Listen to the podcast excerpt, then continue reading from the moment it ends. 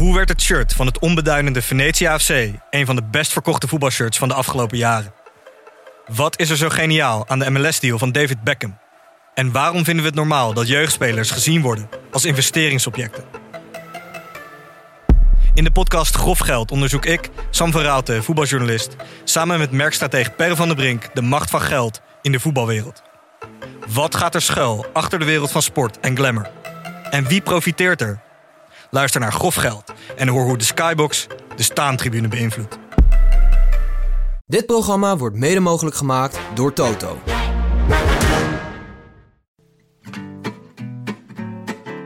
Verre van het dak van de Tour de France. Onze bank in Amsterdam-West. Dit is de tiende etappe van de Rode Lantaarn. De dagelijkse tourpodcast van Het is Koers.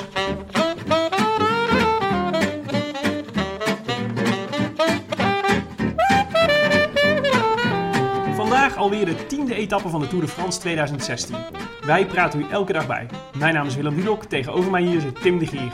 Tim, de tweede koersweek is begonnen. Ja, en het begon gelijk met, een, uh, met het dak van de Tour, het hoogste punt van de Tour. Het was vandaag een slordige 200 kilometer met één berg in het begin. En daarna eigenlijk vlak. Er zaten nog wel een paar van kleine, kleine klimmetjes uh, in, glooien. Er ontstond een uh, kopgroep. En de kopgroep bleef voor de verandering het peloton voor. En de Australiër ronde het af, keurig volgens het boekje Michael Matthews. Dan kijken we naar Boas van Hagen. Het is Van Avermaat die nu op kop komt. Van Avermaat, Van Avermaat. Of is het dan toch nog Matthews die er overheen komt? Jawel, het is Matthews die er overheen komt. Voor Sagan, voor Boas van Hagen, Van Avermaat, Dumoulin en Impi. Dan hebben we de eerste zes van deze etappe. Jongen, jongen, jongen, wat wachten ze lang. Zo. Het leek erop alsof ze pas na de streep zouden gaan sprinten. I wish I could be in the south of France. France. In the south of France, sitting right next to you. Willem, ben je een beetje bijgekomen van gisteren? Zo, ons interview met de vicepremier. Ja. Vond je hem aardig? Hij was heel aardig. Hij was ook... man, toch? Hij nam ook rustig de tijd. Ik, uh, ik had het gevoel dat we echt uh, over alle roddels uit de Tour gingen praten. Voor mij had het nog wel iets langer mogen duren. Alleen. Is er een vraag die hem echt had willen stellen die, uh, die we vergeten zijn? Nee, op zich waren we er na 20 minuten ook alweer doorheen. Heb jij nog iets gedaan op de rustdag verder? Uh, nou, ik, was, uh, ik heb eigenlijk de hele dag een beetje hier naar die kopgroep uh, zitten kijken. Maar bij mij in de straat zit een yogaschool. Als ik op het balkon ga staan dan, en ik kijk naar buiten, dan zie ik de yogaschool. Maar dat is nu dus een Pokémon training ground. Een Pokémon gym.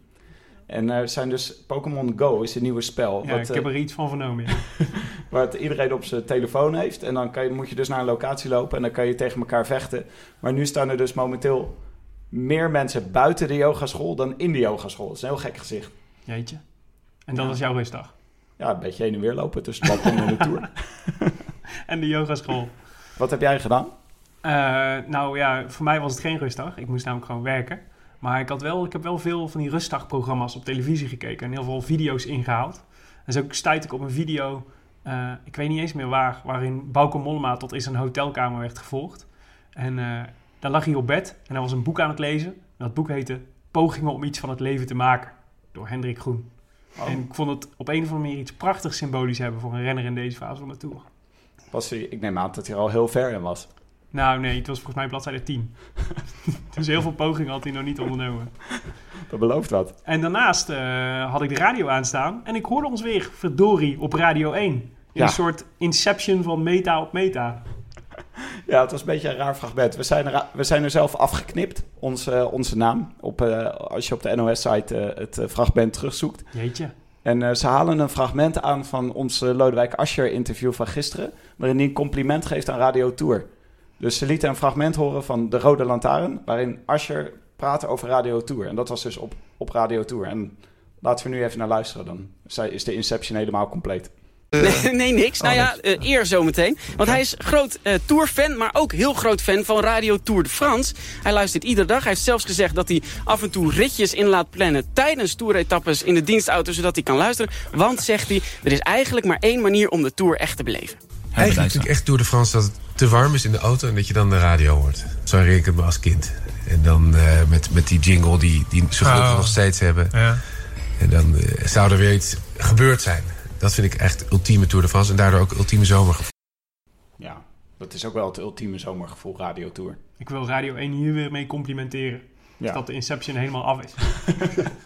Ik ben ook nog steeds heel trots om op Radio 1 te zijn hoor. Ja, tof toch? Dat hoeven we niet eens te noemen. Zo, zo, daar doe ik echt niet moeilijk over. Hebben we nog eh, rectificaties? Nee, volgens mij niet. Maar het kan ook omdat Gaston vandaag een eh, rustdagje vrij is. Ehm, en, eh, maar wel in plaats van Gaston hebben we een speciale gast vandaag. Niemand minder dan Huub Bellemakers. Level 5 Pokémon Go speler. En koerskijker extraordinair. Die bovendien ooit van Thomas Dekker het felbegeerde predicaat Heb er kijk op kreeg. Huub, van harte welkom. Een goeiedag. Ja, het was ook ons voornemen hè, om eh, van- vanaf het begin af aan... Wij wilden een, eh, een podcast zijn voor de tour community. Dus we wilden mensen uitnodigen eigenlijk die eh, veel op, eh, op eh, sociale media over de tour praten. En eh, daarvan ben jij er één, Huub. Ja, dat probeer ik af en toe, ja. De tweede na Lodewijk Asscher. we hadden eigenlijk Beyoncé bedacht vandaag. Ja, dat was leuker om naar te kijken, maar gelukkig is het podcast. Ja, precies. En jij hebt meer verstand van koers, begrijp ik. Huub, eh, gebruik jij de hashtag eh, TDF of de hashtag TDF 2016? Ehm, eigenlijk geen van beiden. Ik, eh, meestal als ik iets over de koers twitter, eh, dan is het toch wel duidelijk dat het over koers gaat. Of mensen snappen het niet en dat is dan hun eigen fout. Nou ja, ik, ik ben de hele tijd verscheurd tussen die twee hashtags. Oké. Ik vind toch dat je een hashtag moet gebruiken om, eh, om eh, andere tourliefhebbers te bereiken. Hashtags zijn voor sukkels, zeiden de bedmannetjes ooit. Oh. Eigenlijk alleen die, ge- die, rare, die gekke vlegel van de fractie gebruikt, eh, gebruikt hashtags. Klopt wel een beetje. Wel waar. Maar bij de Tour de France krijg je een fietsje bij je hashtag. Dat is toch Dat is erg wel leuk, ja. Dat is wel cute. Ja. Huub, jij had wel een rectificatie, zei je. Ja, Wat hebben we misdaan? nou, de- het viel wel mee, maar gisteren kondigde jullie eh, Lodewijk Asscher aan als eh, vicepremier der Nederlanden. Jullie, jullie, Tim, hè? Oké, de heer Tim de Gier. Ehm, dat klopt niet, eh, want hij is vicepremier van Nederland. En hij is geen vicepremier over de Caribische eh, gebiedsdelen van ons koninkrijk, zoals dat tegenwoordig heet. Oh, nou, dat neem ik terug. Dat neem ik onmiddellijk terug. Ja, ik bedoel, die hebben daar hun eigen premiers. Je Ik had hier niet- bijna Aruba Lodewijk Asscher in de maag gesplitst. Precies. Dat zou ik niet mijn geweten willen hebben. nee. Huub, ik neem aan dat je iets te drinken hebt meegenomen. Jazeker, ik heb een mooi, ik heb een mooi eh, biertje meegenomen uit Nijmegen van eh, eh, Brouwerij De Hemel. Ik had ook de nieuwe hippe brouwerij mee kunnen nemen, maar ik denk ouderwets De Hemel, bestaat al 20 jaar. Ehm, Sympathiek. prima biertje eh, en hartstikke lekker. Uitstekend natje, lijkt me. Ja, maak hem maar open en laten we het in godsnaam snel over de koers hebben.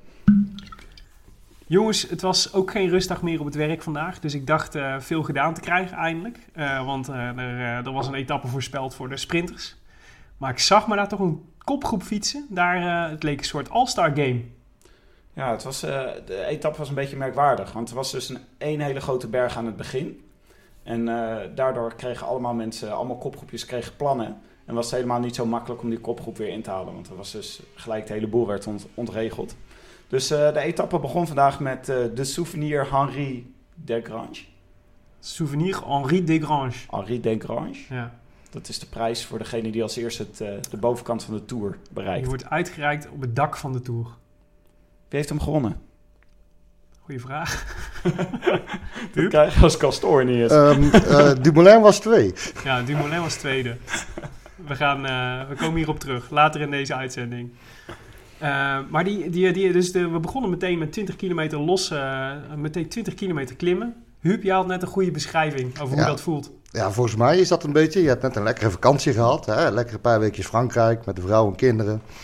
Nog een weekje thuis. En je komt maandag op je werk. En je hebt 400 e-mails waar je door moet ploegen.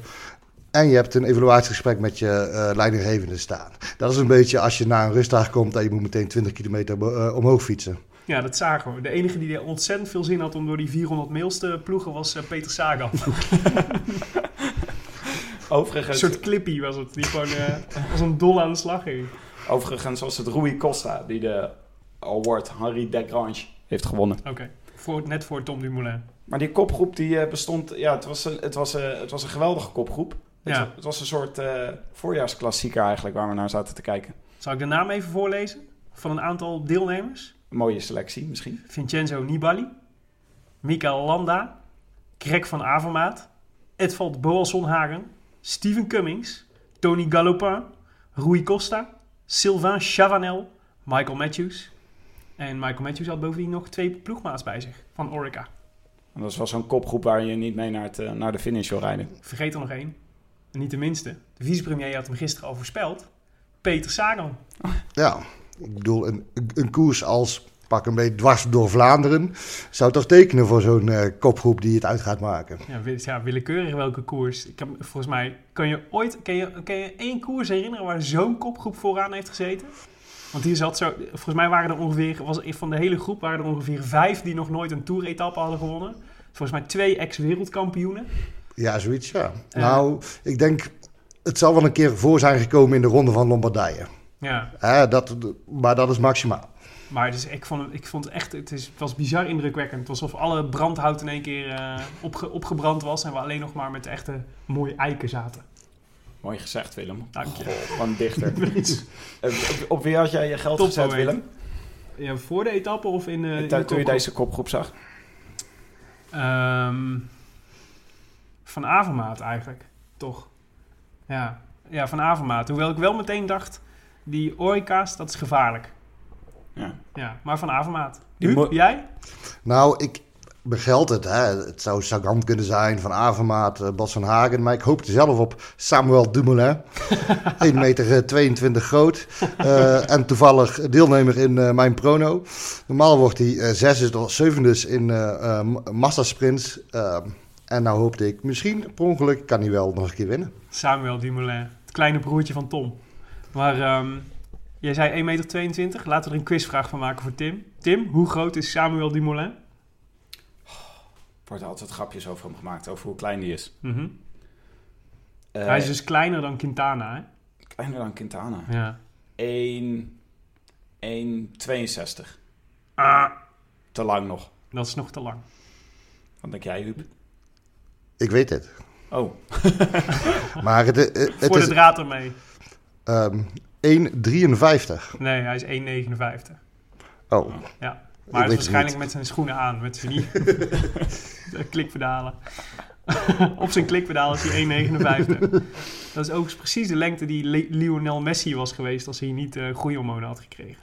mooi. Mhm. Goh, goed weet je. Ja. Maar, maar het is een goede renner, toch? Samuel Dumoulin. Ja, voor iemand die... Ja, zeker. Ja. Voor, voor, nee, ik krijg geen grap. voor iemand die zo groot is als Wesley Sneijder, wil jij zeggen. voor iemand van één, eh, in de categorie onder de 1,60 is hij denk ik de beste ter wereld.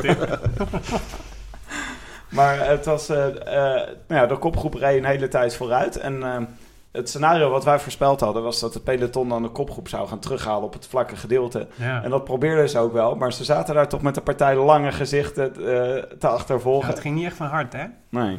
Katusha en IM zag ik, eh, zag ik eh, erachteraan rijden. Waarom deed ze dat, Huub?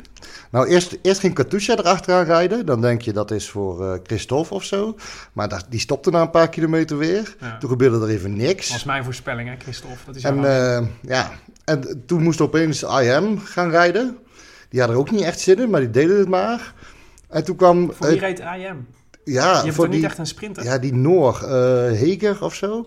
Ja, zo'n hele jonge, jonge Ja, Noor is dat. Maar ja, en, maar het leek ook eh, op tv suggereerden ze... gek hoor, om wel voor Heger zoveel Ja, gedoe te gaan. en maar voor, op tv suggereerden ze dat, een, dat het een straftraining was.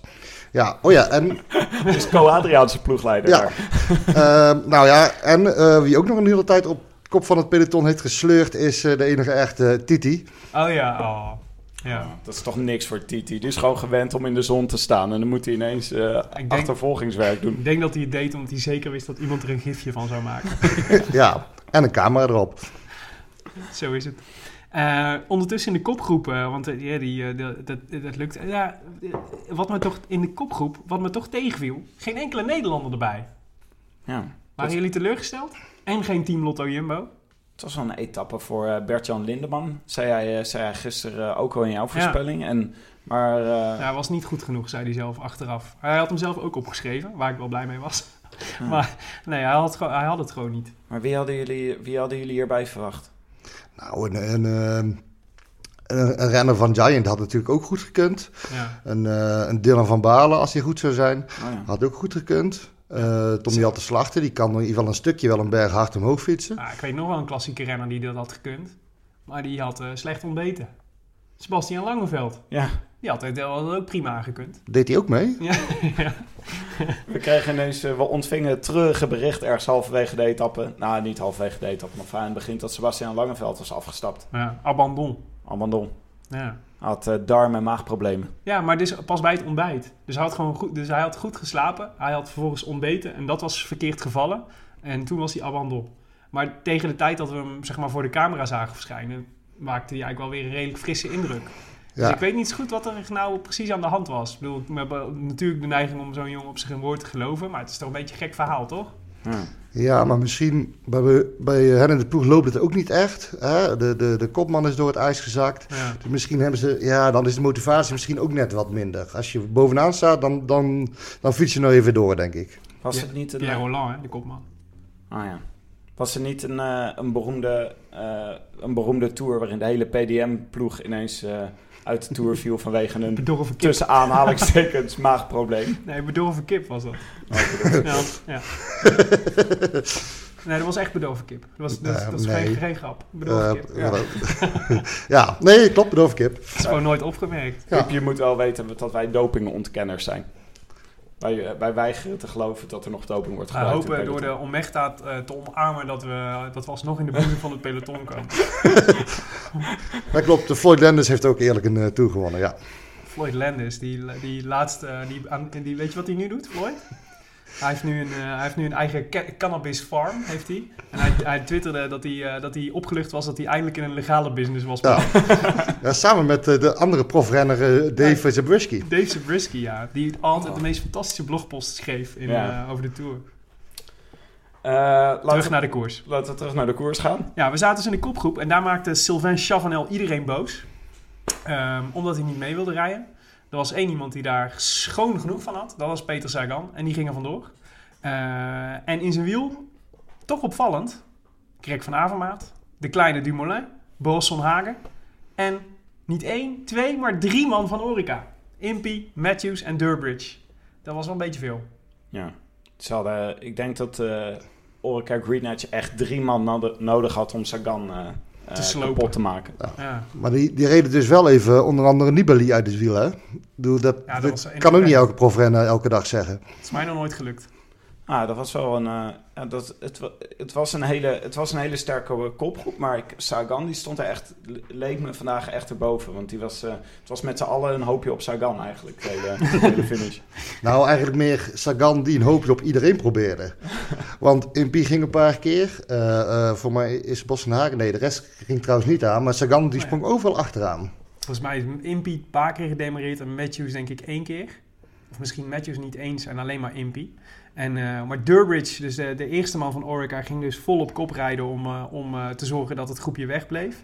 Eh, en, maar toen had Orica dus nog twee man over. Dus Matthews en, eh en Impey. Die, eh, waar Impey kon mooi eh, kon Sagan slopen en ze gokte op Matthews in de sprint. Eh, maar Van Avermaat en Boos van Hagen zaten daar ook nog. En dat zijn ook geen misselijke sprinters. Daar zou ik ook niet graag mee aankomen als ik eh Sagan was. Het waren allemaal goede sprinters die, eh, die samen op de finish afreden. Ja, dat was heel spannend. Het was, eh, ja. Wat, wat, wat denk je? Dat Greg niet beter kon of dat hij echt gokte op zijn eindsprint? Ehm, ik denk dat hij erop gokte dat hij Sagan eh, eraf kon sprinten. Juist omdat Sagan al 34 keer eh, Impie had eh, teruggehaald. Ja. Maar ja, en, maar dan Boas van Hagen zat er ook nog. En Matthews ook Ja, nog. die hadden dan ongeveer hetzelfde plan, denk Had ik. hij niet, had hij, van Avermaat had er gewoon meer kans gehad als hij, eh, als hij eh, gewoon was gedemereerd. Ja. Ik Ik denk doe- echt dat Sagan te sterk was. En dat hij ook, hij heeft ook het tempo vrij hoog gehouden. Want ze liet hem veel van het werk doen. En als je Sagan het werk laat doen, dan gaat het heel hard. Dus ik kan me ook gewoon voorstellen, 200 kilometer, je zit aan het einde van de rit. eh, je hebt de hele tijd achter Sagan gezeten. Je bent Ja. over het dak van de Tour heen gereden. Dat gewoon de energie een beetje op is. Ja, dat zou ook nog kunnen. Ja, Sa- Sagan zegt zelf altijd dat zijn wiel de populairste plek uit de, uit de koers is. Iedereen wil altijd in het wiel van Sagan zitten. Ik zou daar ook willen zitten. nou, niet te lang. Dat wordt heel vermoeiend. eh. Ja, ja, dat is wel waar. Maar goed, de, de, de, sprint, eh, want het, het liep dus uit op een sprint. Niemand ontsnapte meer. Sagan eh, hield de knoeter eh, stevig over. Maar ehm, eh, de sprint was prachtig. Echt een hele mooie, waar, waar, eh, dat zag, het zag er prachtig uit. Maar Sagan moest helemaal om iedereen heen, leek het wel. Eh, kwam nog dichtbij, maar Matthews won dus. Zijn eerste etappezege in de Tour. Ja, Na 30 jaar. Ja. Nou, ik moet, ik moet wel zeggen, ik, ik was een beetje blij dat Sagan weer eens ouderwets tweede was. Ja, vorig jaar hebben we eigenlijk genoten van Sagan, die, die iedere dag tweede werd ongeveer. En ik vond het wel fijn dat hij, ja, het was wel een beetje, de orde was weer hersteld. ja, dat was bijna, bijna nostalgisch. Ook al was het het afgelopen jaar pas dat Sagan nou elke keer tweede werd. Maar daarom was iedereen zo, zo dolgelukkig dat hij wereldkampioen werd. Omdat hij zo vaak tweede was geweest. Ja. En dat hij echt by far de beste renner van het seizoen was. Ja, Dat hij echt verdiende om wereldkampioen te ja zijn. maar nou, nou verdiende hij het ook wel om weer eens tweede te worden. Ja, Niet, hè, maar dat dat bedoel ik positief. ja. ja. Hm, het ik had het hem wel eh, gegund hoor, eigenlijk. Maar Matthews, die, ik bedoel, ik heb hem volgens mij in de afgelopen jaren steeds opgenomen in mijn, in mijn tourpool. En steeds echt vergeefs. Terwijl dat is zo, volgens mij een soort van eeuwige belofte. En eindelijk maakt hij het een keer waar. Hij had Ja, er twee teamgenoten voor nodig. ja hij, hij, wint wel zijn koersjes een keer, weet ik veel, in de Tirreno of de ronde van eh, eh, de Eneco Tour en dat soort dingen. Hè, maar op, het- op het allerhoogste podium kwam hij hier nooit aan de pas, nee. Komt ook uit de Rabo opleidingsploeg, toch? Ja, Ja. die heeft ook nog, eh de voor mij stamt daar zijn bijnaam Bling. Dat een hele slechte, een hele slechte bijna- bijnaam Zo heet is. hij ook op Twitter. Bling? Bling Matthews. Echt? Ja, Jeetje. Wat een stomme bijnaam. Eh, we hadden, er gebeurde nog meer. Eh, Tom, Tom Dumoulin pakte bergpunten. Ja, zou die voor het bergklassement gaan? Staat ineens best hoog. Ja, dat is natuurlijk logisch. Als je, als je zo'n, eh, zo'n, volgens mij krijg je dubbele bergpunten aan het einde van, eh, van zo'n etappezege. Die berg opeindigt. Eh, dus ja, dan kom je al snel hoog. En nou ja, misschien gokt hij erop dat hij, eh, dat, hij, eh, dat hij nog wel een paar puntjes gaat pakken. ja als, je, ik bedoel, als je nog een keer mee zit en nog een paar keer punten pakt, hoef je ineens ervoor echt voor te gaan rijden. Maar dan rij je gewoon voor de etappezegen. Nou, en dan kan je zomaar heel erg in de buurt komen. Ja. Het zou hem prachtig staan, hè, Tim. Goh, wat zou, het, wat zou het hem goed staan. Wit shirt, rode bollen. Goed, laten we snel doorgaan. Ja, wat mij ook nog opviel was dat ik zag dat op de eerste, de eerste berg eh, Kelderman eh, op achterstand kwam. Moeten we daar meer in lezen of is, het, eh, is dat gewoon, trekt hij die 400 e-mails gewoon heel slecht naar, naar, naar rustdag? Ik denk dat. En hij is gewoon, ook, hij, hij is gewoon hard gevallen. En dat, ja, dat, daar heeft hij nog last van, denk ik. Ja. Ik denk dat hij nog steeds wel een aardig klassement kan rijden. Gewoon richting top 10. Als hij gewoon steady een beetje herstelt. Ja, en anders, we gaan het wel zien. Maar hij moet vooral op het fiets blijven zitten en gewoon doorrijden. Want dan wordt hij, wordt hij hard van.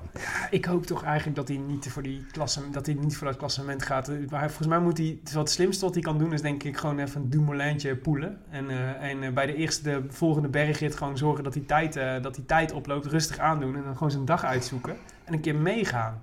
Ja, Had je gehoord wat, eh wat eh Barguil gisteren over me heeft gezegd? Jullie daar gehoord? San een, San een fitty. Een dikke fitty tussen Barguil en Kelderman. ja want eh, Kelderman was boos omdat... Of nee, Bagiel was boos omdat Kelderman van de week een keer niet had meegereden. Nee, volgens Barguil had gezegd dat, hij, eh, dat eh, Kelderman een, eh, een laffe koerser was. Omdat hij eh, de hele tijd alleen maar meefietste en eigenlijk nooit, eh, nooit iets deed. Dus eigenlijk gewoon alleen maar meereed de hele tijd in de koers. En dat Barguil stond dat niet aan, dat, die manier van koersen. En eh, dat puntje maakte hij eventjes. Nou, Nou, het is wel een terecht punt, aangezien Barkiel het heel spannend maakt door elke keer te lossen. En dan weer terug te komen. Ja, Dus dat is een pure... Ja. ik vind eerder eh Barguil een domme renner dan eh, Kelderman Ja. een saaie. maar wie herinnert zich niet al die splijtende demarages van Bargiel? Ja. Ieder jaar weer, op Ja, elke berg. De Vuelta drie jaar geleden, toen was hij heel goed. Je moet Ik van onze mijn- kelderman afblijven, dat Ja. willen we Ja. zeggen. Al mijn, al mijn sympathie voor Barguil verdween in één keer als sneeuw voor de zon. Ja. Ik heb Kijk. nu spijt als haar op mijn hoofd dat hij in mijn toerpol zit. En dat ik op die die manier nog voor moet juichen. Maar van Kelderman blijf je af. Ja, en ik hoop, kijk, ik hoop gewoon Kelderman. Dat wordt, kan echt nog een goede renner worden. Hij moet even doorzetten, even eh, hard worden, zo gezegd. Ehm, en dan komt die jongen er wel, echt wel. Ja. Komen we meteen bij het volgende punt. Ja. Hebben jullie de avondetappe gezien gisteren? Met Ja. Steven Kruiswijk. Jazeker. Nou, het was rustdag. We hadden weinig, eh, we hadden weinig anders om handen gisteren. We moesten wel tv kijken. Daar zaten twee eh, interessante dingen in, vond ik, in wat hij vertelde. Eén is dat hij zei, ik ben de absolute kopman van Lotto Jumbo nu. Hij heeft net verlengd hè, met twee jaar. Ondanks ons eh, aanraden om naar Katusha over te, over te stappen. het gerucht dat wij de wereld in hebben geholpen. Precies, we hebben zijn prijs opgedreven. Graag gedaan, Steven. Maar dus dat hij de absolute kopman van Lotto Jumbo werd. Wat ik al best wel een ding vond, eerlijk gezegd. Maar ook dus, en dat vond ik eigenlijk heel leuk, dat hij een eh, lijstje aan het maken was met renners die hem konden bijstaan bij de volgende Giro. Want hij wil uiteraard wraak voor de, voor de sneeuwmuur. En, eh, en het verliezen van de roze trui in, eh, in de laatste dagen van de Giro dit jaar. Ehm, en, eh, de, en nou ja, eh, dus eindelijk gaf hij per saldo eh, eindelijk toe dat het, dat het ook toch een beetje aan zijn ploeg had gelegen. Dat hij de Giro had verloren. Wat natuurlijk niet helemaal waar is, want hij, hij reed zelf tegen die sneeuwmuur. Het had handig geweest als hij een paar man bij hem had gehad die hem een klein beetje hadden kunnen ondersteunen. Ja. Maar, nu wil het toeval, er komt veel op de markt qua renners. Want I Am Cycling verdwijnt. De ploeg van eh, Stef Clement onder andere. Ja. En Tinkoff Saxo, Tinkoff Saxo verdwijnt. De ploeg van Contador.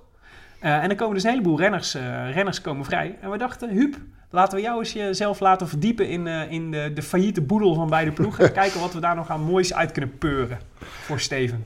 Ja, nou ja, er zit natuurlijk op zich wel het een en ander leuks tussen natuurlijk. Ik bedoel, Kom maar door met die namen. Nou, ik zou zeggen, ehm, een Stef Clement. Ervaren, kan redelijk goed bergop. Wel een aparte, maar wel een leuke persoonlijkheid. Ik denk dat hij wel bij, Stef, bij eh, Steven past. Komt uit Breda, altijd goed. Precies. Oh nee, wacht, dat is niet goed. Ehm, eh, maar ik denk ook aan Matthias Frank, die dit jaar weer niet waarmaakt als kopman. Dus wellicht dat hij te poren is eh, als knecht. Ja. Denk aan een, hoe heet die ook weer, Reichenbach. Die fietst daar ook. Die kan ook goed mee bergop. Is, ja, is geen top... Is geen topknecht, maar als hij voor, voor weinig te halen is, eh, lijkt me dat prima. Ja. Dan kijk je naar Tink of Saxo. Ehm, nou ja, Sagan die zal al wel- wel weg zijn. Ja, ja, die zullen ze niet kunnen halen. Nee. Volgens Ehm, mij kan Team Lotto Jumbo ook geen topsalaris Nee. betalen. Nou ja, je kan wel afvragen, wat, wat wil een Kreuziger? Ja. Hè, wat eh, wat eh, zijn zijn plannen? Eh Maika. Ja, dat zijn natuurlijk allemaal hele grote namen, maar dat is natuurlijk... Maika zal ook niet. Kruijziger zal nog redelijk te betalen zijn, Ja. denk ik. Want Maika is wel echt eh, 26 en zo'n toptalent. ja, en je hebt de, die, wiens naam even is ontschoten, maar de, die jonge Deen, die, die kan ook goed omhoog. Valgren. Ja. Of jong, relatief. de- Nee, ge- 24. 24. Ja, geen, geen, geen, geen Segafredo trekleeftijd. Ja. Ehm, dus eh, daar zit eh, denk ik best wel. Daar is allemaal best wel wat te halen. En dat aangevuld, denk ik, met wat... ehm, hè, er zijn natuurlijk in de lagere regionen van het eh, wielrennen... er zijn best natuurlijk wel nog wat klimmers te vinden. Nou, het grappige is, ze hebben natuurlijk eh Groenewegen ook weggehaald bij Roompot. Ja. Hè? Dus dat lijkt een soort nieuwe, misschien een soort En bijna Roglic. nieuwe... Ja, een nu- nieuwe opleidingsploeg voor Eh, de maar ja, maar je hebt zo, ze hebben ook Roglic hebben ze uit, uit het Pro-Conti circuit gehaald. Ze hebben... eh, ja, daar kun je gewoon ja, prima Roglic renners. was dit jaar ook al bij de Giro, maar die... Ja, maar die hebben ze vorig jaar... reed hij nog van Pro-Continental. Ja, maar ik bedoel, die maakte dit jaar, dit, die helpt Kruiswijk niet in de Giro dit jaar. Daar was hij, nog, daar was hij echt nog te licht voor. Ja, ook, ja, maar als je ski- skis springen, dan ben je nogal snel te licht. Dat is waar. Van welke naam word jij het meest enthousiast, Tim, als je dit zo hoort? Ik denk eigenlijk dat de Rabo of de Lotto Jumbo ploeg, die, als ze nu gewoon eens een keertje gaan inzetten op een van die klassementsrenners, in de plaats van een soort half treintje meenemen en een halve eh, klassementsploeg meenemen, dat zou al een heel verschil maken. Ik bedoel, als Kruiswijk volgende keer naar de bergen gaat en heeft Kelderman en Geesink bij zich, dan is het echt een heel ander verhaal. Ja. Maar dat lijkt mij prachtig. Dus met Geesink en Kelderman naar de, naar de Giro als de adjudanten van, eh, van, van, eh, van eh, Kruiswijk in de, in, de, in de bergen. En dan Tankink als wegkapitein. Frank inderdaad, die zou, ik, die zou ik ook halen. Pantano rijdt ook nog bij IM. Charlinson Pantano. Lijkt me punt. ook een hele goede. Altijd handig om een Colombiaan erbij te hebben in de bergen. Je weet, je weet nooit waar het van pas komt. ja, wat coca tegen de hoogteziekte. Ja, maar toen dacht ik van als je dat nou, als je nou zo inzet op de Giro, dan zou je inderdaad kunnen een, eh, een, eh, dan zou je Kreuziger zou je kopman kunnen maken voor de Tour. Eh, en daar een eh, iets mindere ploeg omheen kunnen bouwen. Dus gewoon als wraak op Kreuziger nee, maar omdat je niet, je kunt niet zeg maar en een topploeg naar de Giro en naar de Tour sturen. Maar dan in plaats van dat je weer alle, alle ballen Ja. op de Tour zet, eh, stuur je nu de beste, je beste jongens naar de Giro. Die misschien dan zelfs ook nog eh, voor eh Geesink in de Vuelta kunnen rijden. Ja. Omdat dat, dat, dat is volgens Ja. mij makkelijker te combineren dan, dan de Tour en de Vuelta of de Giro en de Of, Tour. of desnoods, als Groenewegen zich doorontwikkelt, ga je met een echte Groenewegen ploeg... Ja, precies, met een echte na- naar de Tour. Ja. Zoals Giant een paar jaar geleden deed. Een echte sprintploeg. En, en vergeet je voor de rest de Tour qua, qua andere terreinen. Matthias Frank. Dat is misschien de sleutel, denk ik. De- nog nooit eerder heeft iemand Matthias Frank de sleutel genoemd. Zijn, zijn bijnaam, zo heet hij op Twitter. Sleutel Frank. Nou ja, je weet niet hoe zijn vrouw eh, hem noemt, hè? Laten we daar vanaf zijn. Laten we naar eh, de glazen bolcup gaan. Huub, schenk jij nog even bij? Ik vind hem eh, smaken, die, eh, de hemel. Gisteren hadden we de Glazen Bol Cup. Ehm, ik had eh, Christophe gezegd. Tim, jij noemde Marcel Kittel. Nee, Ik had- sorry, ik heb dit eh, op de verkeerde plek in de aantekening ingevuld. Jij noemde, wie noemde jij nou? Eh, oh, Alaphilippe. Alaphilippe. Alaphilippe Ik had eh, Ja. Jan Bakelands. je. Jan Bakelas. Mooi. Die hadden eh, allemaal niet meer staan over, in deze eh, kopgroep. Over mensen die we nog niet gezien hebben deze tour. Jantje Bakelas. Ik heb hem een keer zien lossen. Ah ja, knap. En eh, de vicepremier had Sagan, dus die zat er eigenlijk het dichtst bij. Maar het lijkt de vloek van de Rode Lantaarn, want wie voorspeld wordt, eindigt als tweede. Eh, en dat was dus het, eh, het probleem voor Sagan eh, vandaag. Morgen, wat kunnen we verwachten, Tim? Ja, morgen gaat erin naar Montpellier. Een beroemde sprintstad. Daar zijn vaker grote massasprints geweest. Dus dat kunnen we eigenlijk ook morgen verwachten. Een vlakke etappe. Het glooit een beetje, maar niks om je druk te maken. Kort ook, hè? 160 kilometer. Ja, gewoon met z'n allen op de finish afrazen. Dat wordt het morgen. Toch, eh, de aankomst is waarschijnlijk weer zo rond half zes. Dus eh, als je rond half vijf voor de televisie gaat zitten, dan is het wel goed. Dan ben je ruim op tijd. Eh, maar eh, we moeten goed bijslapen, want eh, overmorgen is de rit naar eh, de Mont Ventoux. Ja, spannend wordt die. Maar goed, eerst dus eventjes morgen nog. Dus Tim, mag ik jouw eh, voorspelling? Ja, ik denk eh, orde op zaken. Zoals je reeds in mijn aantekeningen gelezen hebt. Marcel Kittel. Huub? Aangezien eh, vandaag in de Ronde van Polen een eh, ouderwets Ekimofje werd gepoeld, eh, ga ik daar morgen ook voor. En dan zeg ik eh, Tony Martin. Tony wat, wat Martin? is het? Een ouderwets ekimofje? Ja, of een Jelle Nijdampje. Dus eh, bedoel je daarmee in de laatste kilometer Ja. wegspringen en, Oh ja. eh, en wegblijven? Ja. Dat is echt, moet je een, echt teringhard kunnen fietsen, wil je dat, eh, wil je dat kunnen. Dus, ja, die zou het kunnen, Tony Martin. Nou, ik eh, denk niet dat het, eh, dat het een eh Nijdampje wordt. Ik denk dat het eh sprint wordt. Dat eh, André Grijpel zijn eh, revanche gaat halen. En, eh, en de overwinning pakt. En, ik zeg erbij, Groenewegen pakt de tweede plek. Morgen. ik vond hem fris namelijk op de rustdag ook. Hij zat namelijk ook aan tafel gisteren Ja. bij, bij de avondetappe. Ja, ik heb, ik heb, ik heb wel de sprinter slechter Echt een leuke gezien. gast. Ja. Huub, verwacht je verder nog Nederlands succes? Ja. Naast de tweede plek van eh Ja. Groenewegen morgen. Ja, ik ben ervan overtuigd dat, eh, dat eh, Team Lotto eh, nog een eh, etappe gaat pakken. Ofwel met Kelderman, ofwel met Lindeman. eh, ofwel met Timo Rozen, jullie aangenomen zoon. Och, Timo Rozen. Hij heeft nog steeds niet gebeld, hè? De Die zou- stopboerderij staat daar maar, te Die- verpieteren. Die Ja. moet mee naar de Giro, hè? Ja. Die kan je niet zomaar overslaan. Nee, Timo Rozen moet nemen sowieso ensemble. Maar ik, denk- ik denk dus echt Timo Rosa eigenlijk. En, maar dat is meer, ehm, meer hopen dan eh, denken. Eh, ik zou het zo gunnen als of Albert Timmer of Roy Curvers ooit eens een keer een Tour-etappe pakt. Zulke noesterwerkers. Nou ja, Eh. het is Rob Harmeling ook gelukt. Daarom, en dan kan Roy Curvers het ook. Ja, oké. Waar eindigt Mollema, denk je? Vier. Net naast het podium. Och, dat, Jeetje. zou, dat zou wel echt Nederland zijn, hè? Om vierde te worden. Nou, Maar ja, dan heeft hij nog het boek. het boek. Manieren om iets van je leven te maken. Oké, Oh, als... Eh, heeft, hij dan niet, heeft hij in ieder geval zijn boek uitgelezen aan het einde van de tour. Als je mee wil doen, eh hashtag glazen bolcup, hashtag rode lantaarn. Eh, als je het goed hebt, maar ja, dat heeft niemand ooit bij ons. dan win je een boek. Eh Lucien, van, eh, over Lucien van Impe, de laatste Belgische tourwinnaar. Tim, dat Ja. was het. Dit was het. Af, etappe 10 van de Rode Lantaarn. Gepre- gepresenteerd en geproduceerd door Willem Dudok en Tim de Gier. Vandaag met speciale gast Huub Bellemakers. Huub, bedankt dat je er was. Met dank aan hetiskoers.nl, de wielerblog van Nederland en Vlaanderen. En dank aan Johnny Wonder, communicatiebureau voor digitale tijdperk voor de ondersteuning. Wil je reageren op deze uitzending? Via Twitter zijn we te bereiken via Willem Dudok, Tim de Gier en natuurlijk Huub Bellemakers. Vond je het leuk wat je hoorde? Help ons dan. Want eh, als je een recensie achterlaat of eh, sterren achterlaat in de iTunes Store, dan eh, komen wij verder bovenaan in de iTunes top 10. En dan vinden andere mensen deze podcast weer. En eh, misschien motiveren we daarmee eh, de gekwelde polder intellectueel om zelf een podcast op te nemen. Eh, morgen zijn we er weer. Vlakke etappe. Tot morgen. A biento. A. I wish I could be in the south of France. In the south of France. Sitting right next to